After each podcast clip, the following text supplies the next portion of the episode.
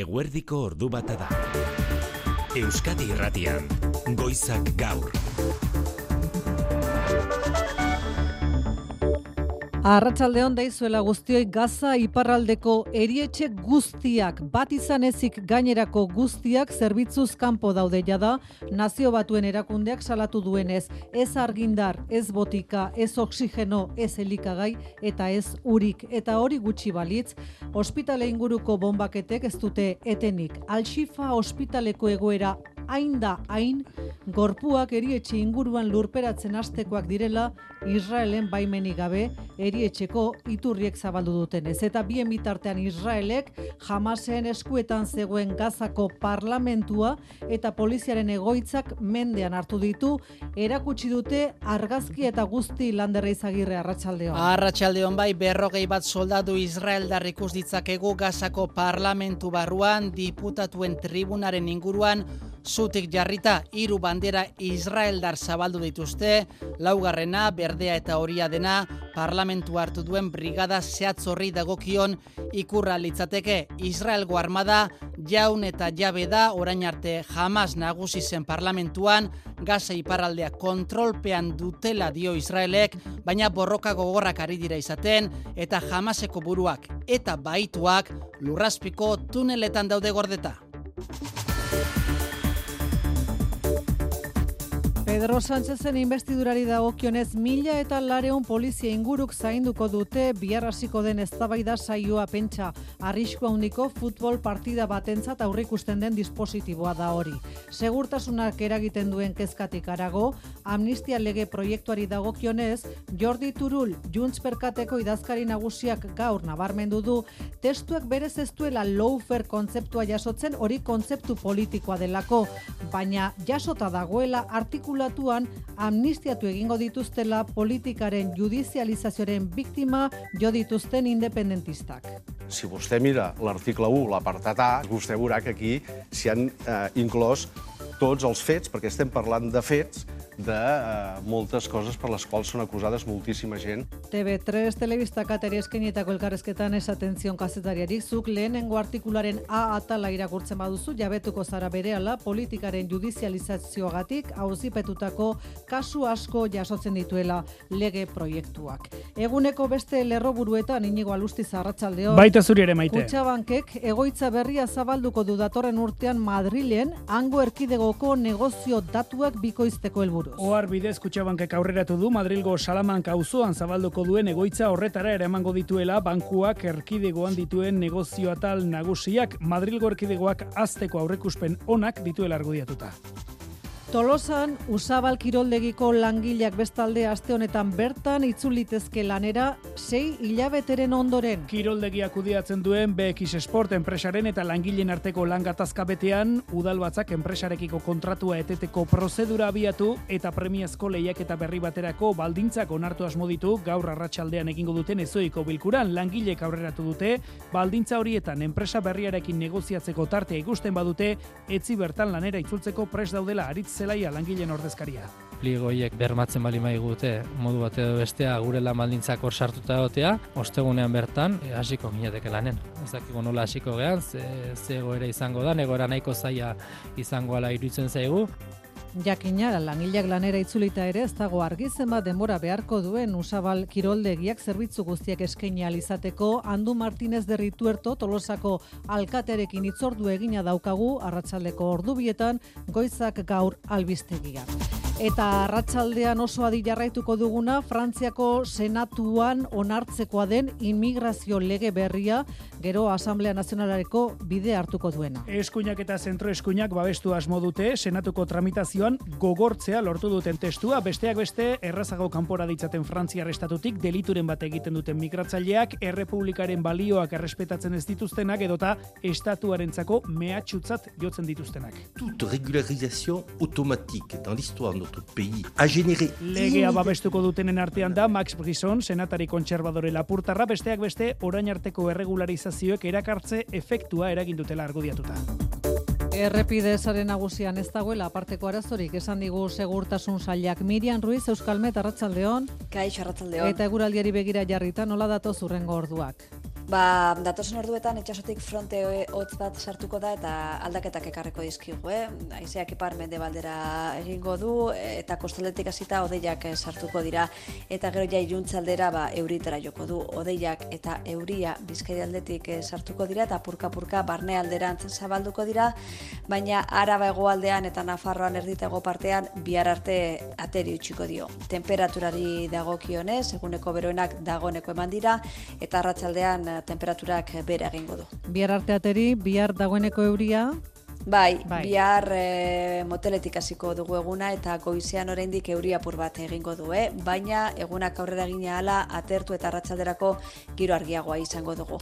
Temperaturak bera egingo du, eh? E, alare azaroan mm. egoteko ba, maksimoak goxoak izango dira. San Martin inguruan, bai gaude, eskerrik asko, Miriam.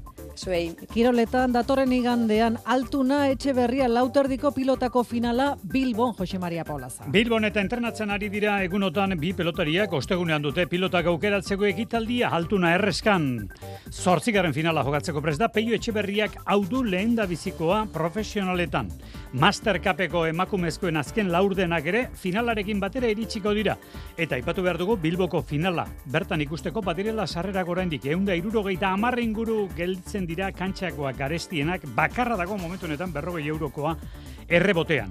Eta errukbian, ustekabean izan daiteke, baina eh, lehendik aritzen egosten fitxaketa. Baionak Mateo Carreras, Argentinar Internazionala fitxatu du egalean aritu da munduko txapelketan maila bikain emandu eta Newcastleekin zuen kontrato eten ondoren iritsiko da Euskal Herria. Kulturan Manu Etxe sortu Euskarazko soinu fikzioa sustatzeko helburuarekin audiogile berriak izeneko egitasmoa jarri dute martxan EITBek eta Tabakalera. Ba bai, estimazio handia lortu dute azken urteotan entzuteko diren fikzioek horren adibide da archipelagoa.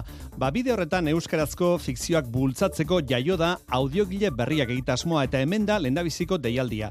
Deialdi horretara fikzioak sortzeko proiektuak aurkeztu beharko dira eta aurkezten diren lan guztietatik hiru aukeratuko dira. Hiru proiektu horiek gidoi bihurtu arte garatuko dituzte eta azkenean bat aukeratu eta ekoitzi egingo du EITBek. Maite egoni EITBko EITBko audio eta digitalaren zuzenderiak eman du egitasmoa martxan jartzeko arrazoia. Ikusten genuelako audio munduan eta euskararen ingurunean batez ere ba, nahi dugulako izan erreferente eta nahi dugulako uspotu euskarazko fikzioa, soinu fikzioa ingurune digitalean. Eta horretan pentsatu dugu oinarrian beti dagoela gidoion bat. Audiogile berriek egitasmoa urtero egiteko bokazioz sortu dute oinarrien berri izateko maite sartu eitb.eus edo tabakalera.eus atarian. Azaroak amala auditu gaur urte bete geure herriaren historian mugarri izan den aurkikuntza aurkeztu zigun arantzadi zientzia elkarteak arangurengo bailaran irulegiko eskua urte bete eta gero ikerlarien mezua da irulegiko aztarnategia geure herriaren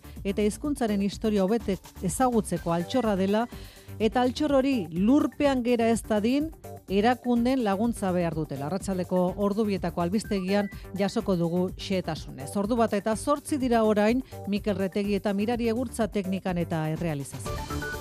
Euskadi Irratian, Goizak Gaur. Maite Artola. Jordi Turul juntzeko buruzagiak adirazi du pesoek emanduen zenbakia amnistiren aterkipean egongo lirateken Kataluniako independentistena motz gelditzen dela irureuneko hori motz gelditzen dela ez du gehiago zehaztu. Agerikoa da, bihar eguerdian hasiko den investidura saioaren eztabaidan hause izango dela gai izarra bosek jada eraman du auzitegi gorenera, Sánchezen aurkako kerella investidura saioa eteteko helburuz, naiz eta estirudien honek aurrera egingo duenik, eta bien bitartean Pepe giragarri du, kongresuko maira joko duela lege proiektuaren aurka haren inkonstituzionaltasuna argudiatuta Mikel Arregi Arratsaldeon. Kaixo Arratsaldeon, amnistia legea izango da hogeta hiru ordu barru hemen kongresuan hasiko den investidura saioko ardatz nagusia, berau ganberan erregistratu eta biharamunean honen irismen eta legaltasunaren inguruko eztabaida bizia piztu da, pesoeren ustetan lege honek irureun bat independentistei eragingo die juntzen, juntzek bien bitartean, zifra hori askoz altuagoa izango dela dioen bitartean, sozialistek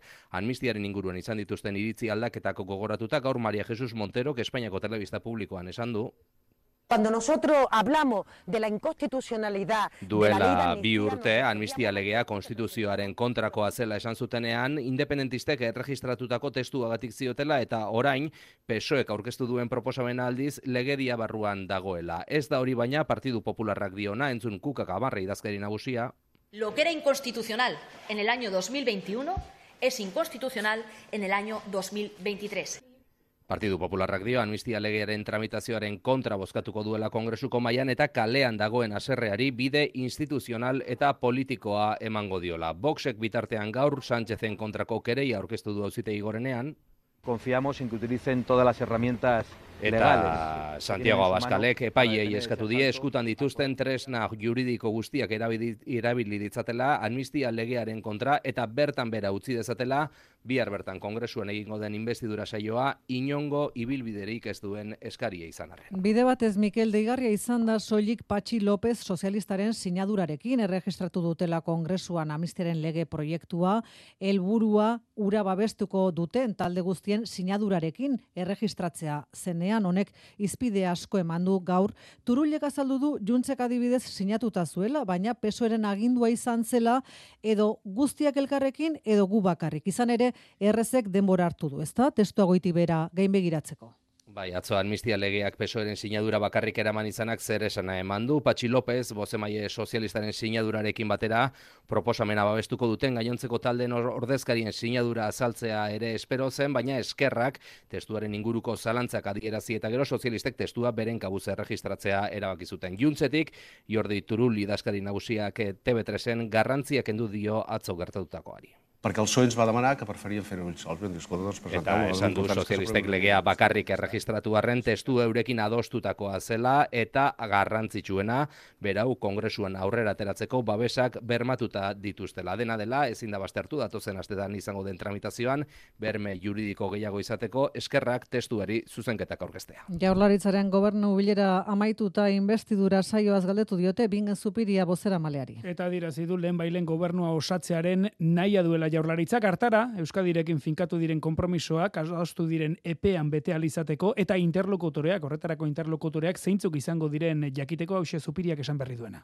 Naiko genuke da Espainiko gobernu berria lehen bailen eratzea, egitea egin behar diren izendapenak, jakin dezagun, nortzuk izango diren, e, jaurlaritza honekin zer duten gaietarako interlokutoreak edo mintzakideak, publiko egin diren konpromisoetako batzuk bi hiru hilabetetako epea dute, eta beraz hori ere garrantzitsua da bete behar diren eta lortu behar diren akordioiek lortzeko.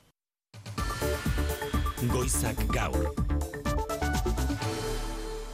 Ordu bata eta mairu minutu dira Kutxabankek lurralde egoitza berri irekiko du datorren urtean Madrilen eta haren aurreikuspenen arabera salmentak bikoiztu egingo ditu datozen urteetan Madrilgo erkidegoan Pello Otxandiano Euskal Herria Bilduren programa zuzendariak albiste kezkagarritzat jodu iragarpen hau urtzigartzia hartzaldeon. Arratsaldeon bai, ba, Madrilgo autonomia erkidegoan dituen zerbitzu nagusiak egoitza berrire eramango ditu Kutxabanke kalanola negozio korporatiboa, instituzionala eta handizkako eta banka eta ondare pribaturen dibizio espezializatuak ere.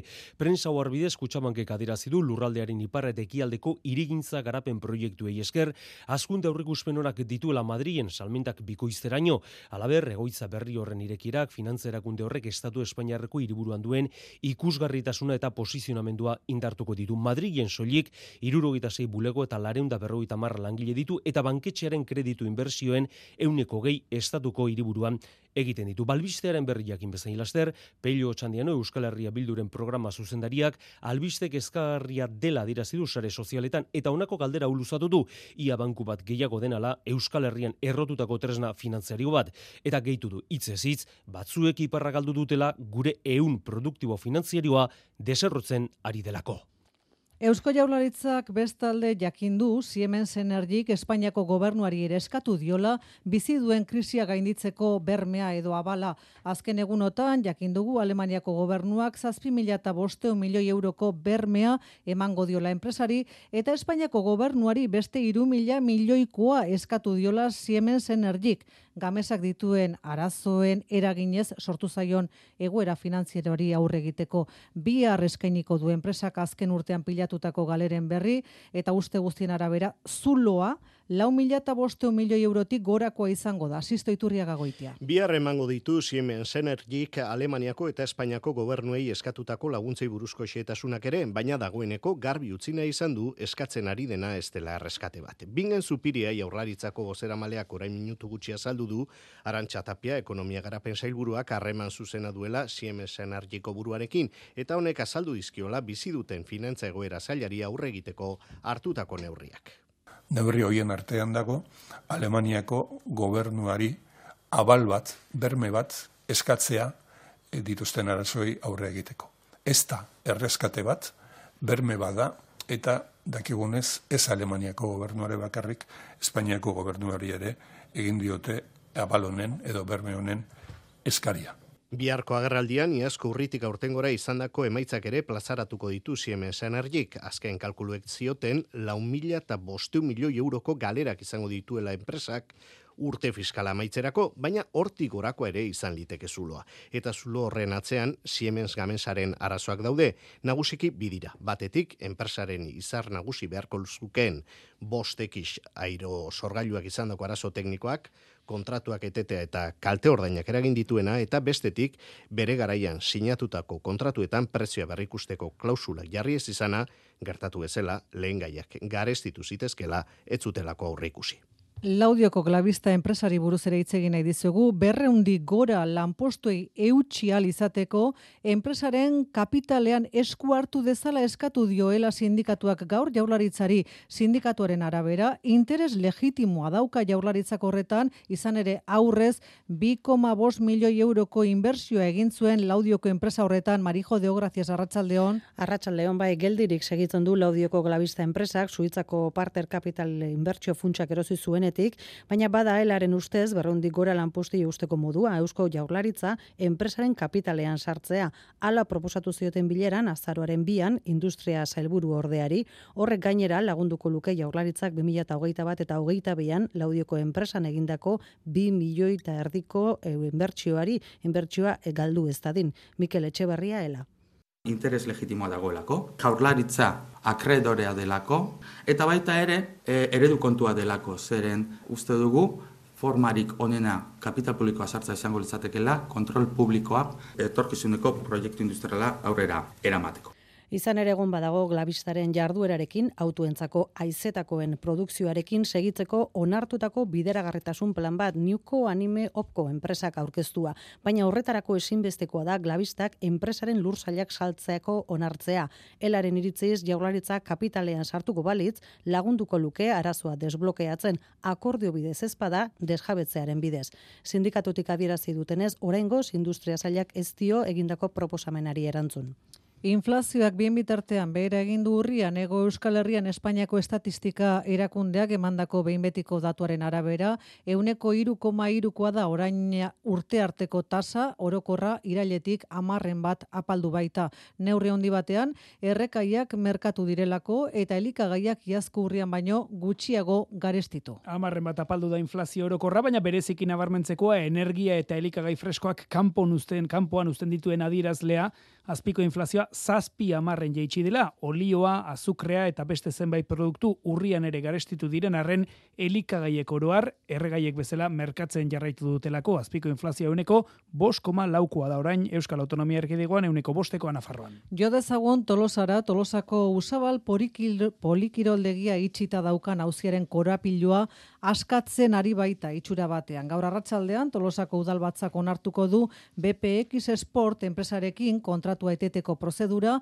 eta urgentzia zurrengo enpresa kontratatzeko baldintzak. Oraindik zur mintzatu zaigu handu Martinez derrituerto tolosako alkatea, baina aldi berean baikor pliego berriek hauzia desblokeatzen lagunduko duelakoan.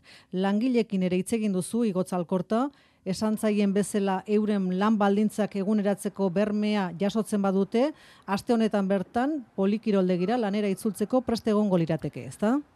Bai, alaxe da, Arratsaldeon tolosan zei hilabeteko gatazka luzea bideratzen hasteko egun gakoa izan liteke ala dirudi gaurkoak. BPX Sport enpresaren eta langileen arteko elkarrezketetan blokeoa erabatekoa dela ikusita, bi erabaki proposatuko ditu gaur arratsaldeko osoko bilkuran EH Bilduren udal gobernuak. Andu Martinez derrituerto tolosako alkatea kontratuaren deusestapenaren prozesuari hasiera ematea eta arrazoi nagusia izango da, bueno, ba, ba, kontratuaren xede nagusia da kirol zerbitzuak ematea eta sei abetetan e, kontratuaren xedea ez da bete. Ordu mono, ba, txosten juridiko bat e, egin da eta eraberen eta pleno beren e, martxan jarriko deu e, lizitazio berria. Plegu berri batzuk egin dira eta orduan, bueno, ba, ba lizitazio berria martxan jarriko da, Lizitazio berria ordea ez da esleituko ez da emango aurreko kontratua erabat eten arte, hiru bat hilabeteko prozesua izan liteke hori. Udala ordea esperantzaz da desblokeorako balioko duelakoan gaurkoak eta desblokeoa hitz hori erabili dute greban dauden usabaleko langilek ere. Bihar plegu berriak aztertu eta ikusten badute lanbaldintzak hobetzeko moduak jasotzen dituztela, etzi bertan ostegunean itzuliko dira lanera. Hori bai, hasierako enpresarekin BPX sport enpresarekin itzuli beharko lukete lehen hilabetetan eta ez da erraza izango aritz zelaia langile ordezkaria. Lizitazio berri hori atea bitarten guain dagoen enpresa hau e, behartuta dago zerbitzua emateko. Orduan gu grebatik e, aterako ginateke eta guain gauden lan baldintzetan eta enpresa berdinakin hasiko ginateke lanen. Ez dakiko nola hasiko gehan, ze, ze izango da, negora nahiko zaia izango ala iruditzen zaigu.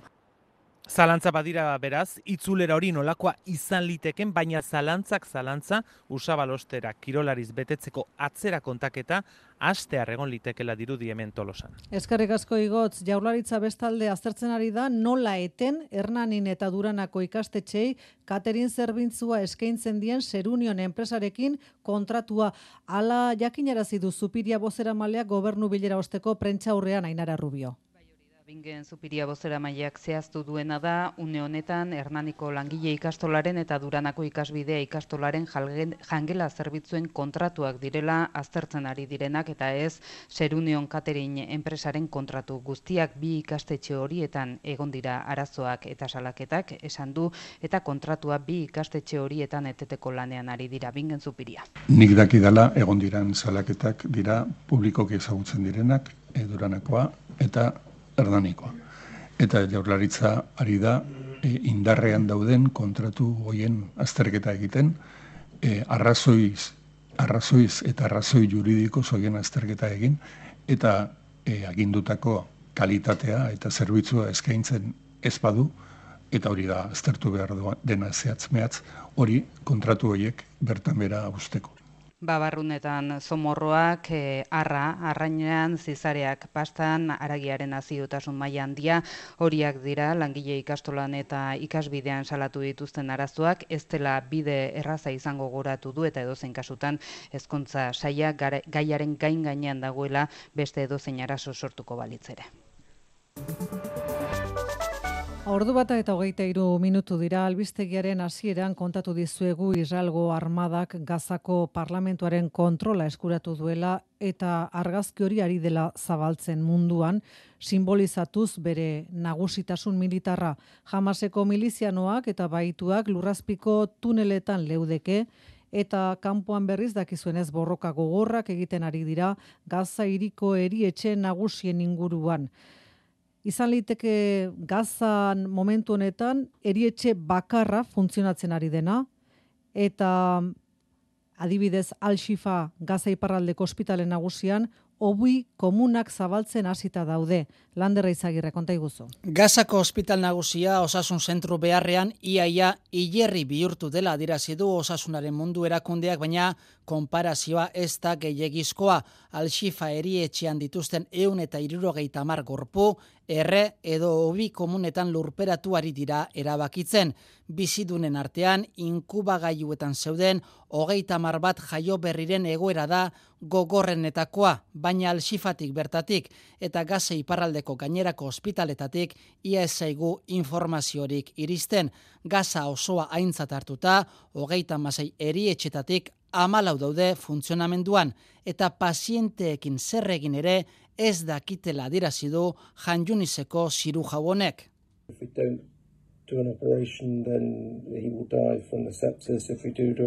Operatzen die ez badituzte infekzio silko dira eta ebakuntza eginez gero odola galduta ospitaletan odola falta baitute. Estatu batutatik ospitalak babesteko eskatu du Joe Biden presidenteak. It's my hope and expectation that uh, there will be uh, less intrusive action relative to the hospital. The hospital must be protected. Edo zein kasutan Israelen bertsioa ere babesten du Washingtonek, hau da Hamasek ospitaleak giza eskutu bezala erabiltzen dituela. Frantziako senatuak minutu gutxi barru bozkatu eta itxura guztien arabera emango dio argi berdea imigrazio lege berriari eskuinak eta zentro eskuinak indarrak batzea aurrikusten da. Darmanan barne ministroak hasieran aurkeztutako testua baino are gogorragoa onartzeko horrek ezin egona eragin du. Egoera irregularrean dauden etorkinen artean Iñaki Esnal lankideak Parisen hitz egin du. Paperik gabekoen kanpamentu batean izan da beraiekin. Alforbilen Paris kanpoaldean paperik gabeko eun eta berrogeita margizonek errepide ondoan egiten dute lo gauero pikete etengabe batean, bi urte daramate greban kronopost enpresaren parean, la post Frantziako postaren filiala da eta pandemia garaian emeretzi gizonek hemen egin zuten lan, horregatik orain euren egoera erregularizatzea eskatzen dute. Ici, les conditions de travail sont horribles. C'est des cadences infernales. Vous êtes entré là, c'est un esclavage moderne. Esklabotza modernoa zen, 600 euro ordaintzen zizkiguten, eta izugarrizko lankarga eta presioa genuen. Hori kontatu digu Abu Bakar Denbelek, bost urte darama Frantzia maliarrak. Campamenduan albezala eusten diote sua eginez eta elkartek emandako janari esker. Eun eta berrogeita margizon hauek bezala uste da zazpio mila pertsona daudela Frantzian paperi gabe. Gobernuak horietako batzuk erregularizatu nahi ditu lan eskasia dagoen sektoretan lege proiektu baten bidez. Contrôler l'immigration, améliorer l'intégration. Eskuinak ordea arbuiatu egin du erregularizaziorako bide hori eta senatuan duten gehiengoa baliatuz indargabetu dute erregularizazioaren artikulua eta gainera zaildu egin dute migranteek osasun publikora duten sarbidea. Max Brisson Euskal Senatari kontserbadorearekin bildu gara bere bulegoan. Toute régularisation automatique dans l'histoire de notre pays a généré immédiatement un appel d'air. Erregularizazio aukera egonden bakoitzean dio erakartze efektua egonda. Dena den immigrazioaren lege proiektua Asamblea Nazionalean aztertu beharko dute. Bertan gehiengoak bestelakoak dira, baina litekena da Asamblean ere immigrazioaren kontrakoen babesa lortzea eta horren bestez legea bosgarren errepublikako gogorrenetakoa bilakatu liteke.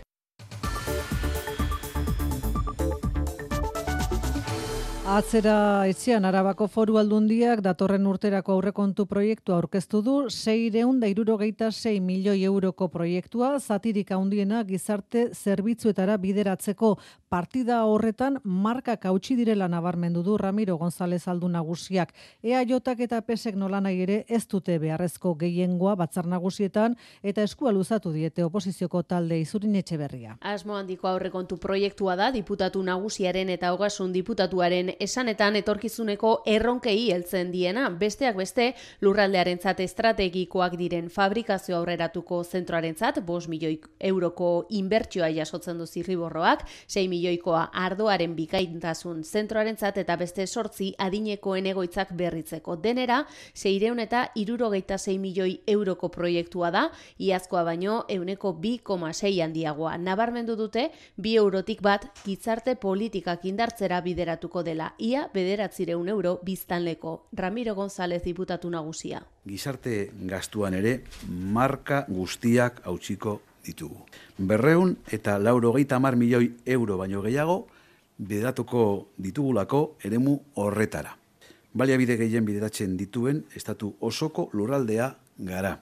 Kontuak mai gainean negoziazioi heltzeko unea da orain, eaiotak eta alderdi sozialistak ez baitute babes nahikorik proiektu aurrera ateratzeko. Donostian bestalde udalak Nobu Hotela itxi berritan enpresaren abokatuek erabaki honen kontra aurkeztutako elegite aztertzen ari dira uneotan irigintza sailean. Abuztuaren hasieran jardueraren jakinarazten zuen komunikazio agiri soilarekin zabaldu zituen ateak negozioak, baina ezinbesteko den lizentzia lortzeko baldintzak ez ditu bete tarte honetan eta horregatik itxi du udalak enpresak neurriz kanpokotzat jo du erabaki hori ainara hortiz. Mirakontxa pasealekuko 32 bigarren zenbakian, jatorrian bila eder zen eraikin babestua da orain lusuzko hotel bilakatu dena. Besteak beste, Robert De Niro Hollywoodeko aktore ezaguna bazkide duen negozioa udalaren irekiera baimena eduki aurretik zabaldu zuten abustua zeran, baina legez kanpolegoke eneko goia alkatearen arabera. Hoteldekoak esaten dute uste zute da nahikoa zera komunikazio batekin. Baina hori ez da horrela. Komunikazioaz gain gero lizentzia lortu egin behar da. Bazekiten gauza batzuk zuzendu egin behar zituzte da ez larriak zeren segurtasun txostenak eta horiek ondo zeuden konpon konpromesoa zuten konpontzeko, baino ez direnean konpontzen, ba orduan lizentzia ematerik ez dago. Hain zuzen enpresaren abokatuek aurkeztu duten elegiteak gehiegizkoa jodu itxiera, segurtasun eta bideragarritasun baldintza oinarrizkoenak betetzen zituztela argudiatuta.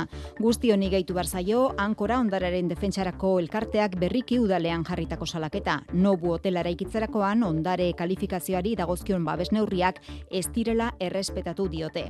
Eneko goiak ez du ankoraren salaketa baloratu nahi izan eta argitzi du hotela honen berri izan aurretik itxi duela udalak lizentzia irregulartasunekin lotuta beti ere. Arratsaldeko ordu bat aterdietara iritsi gara.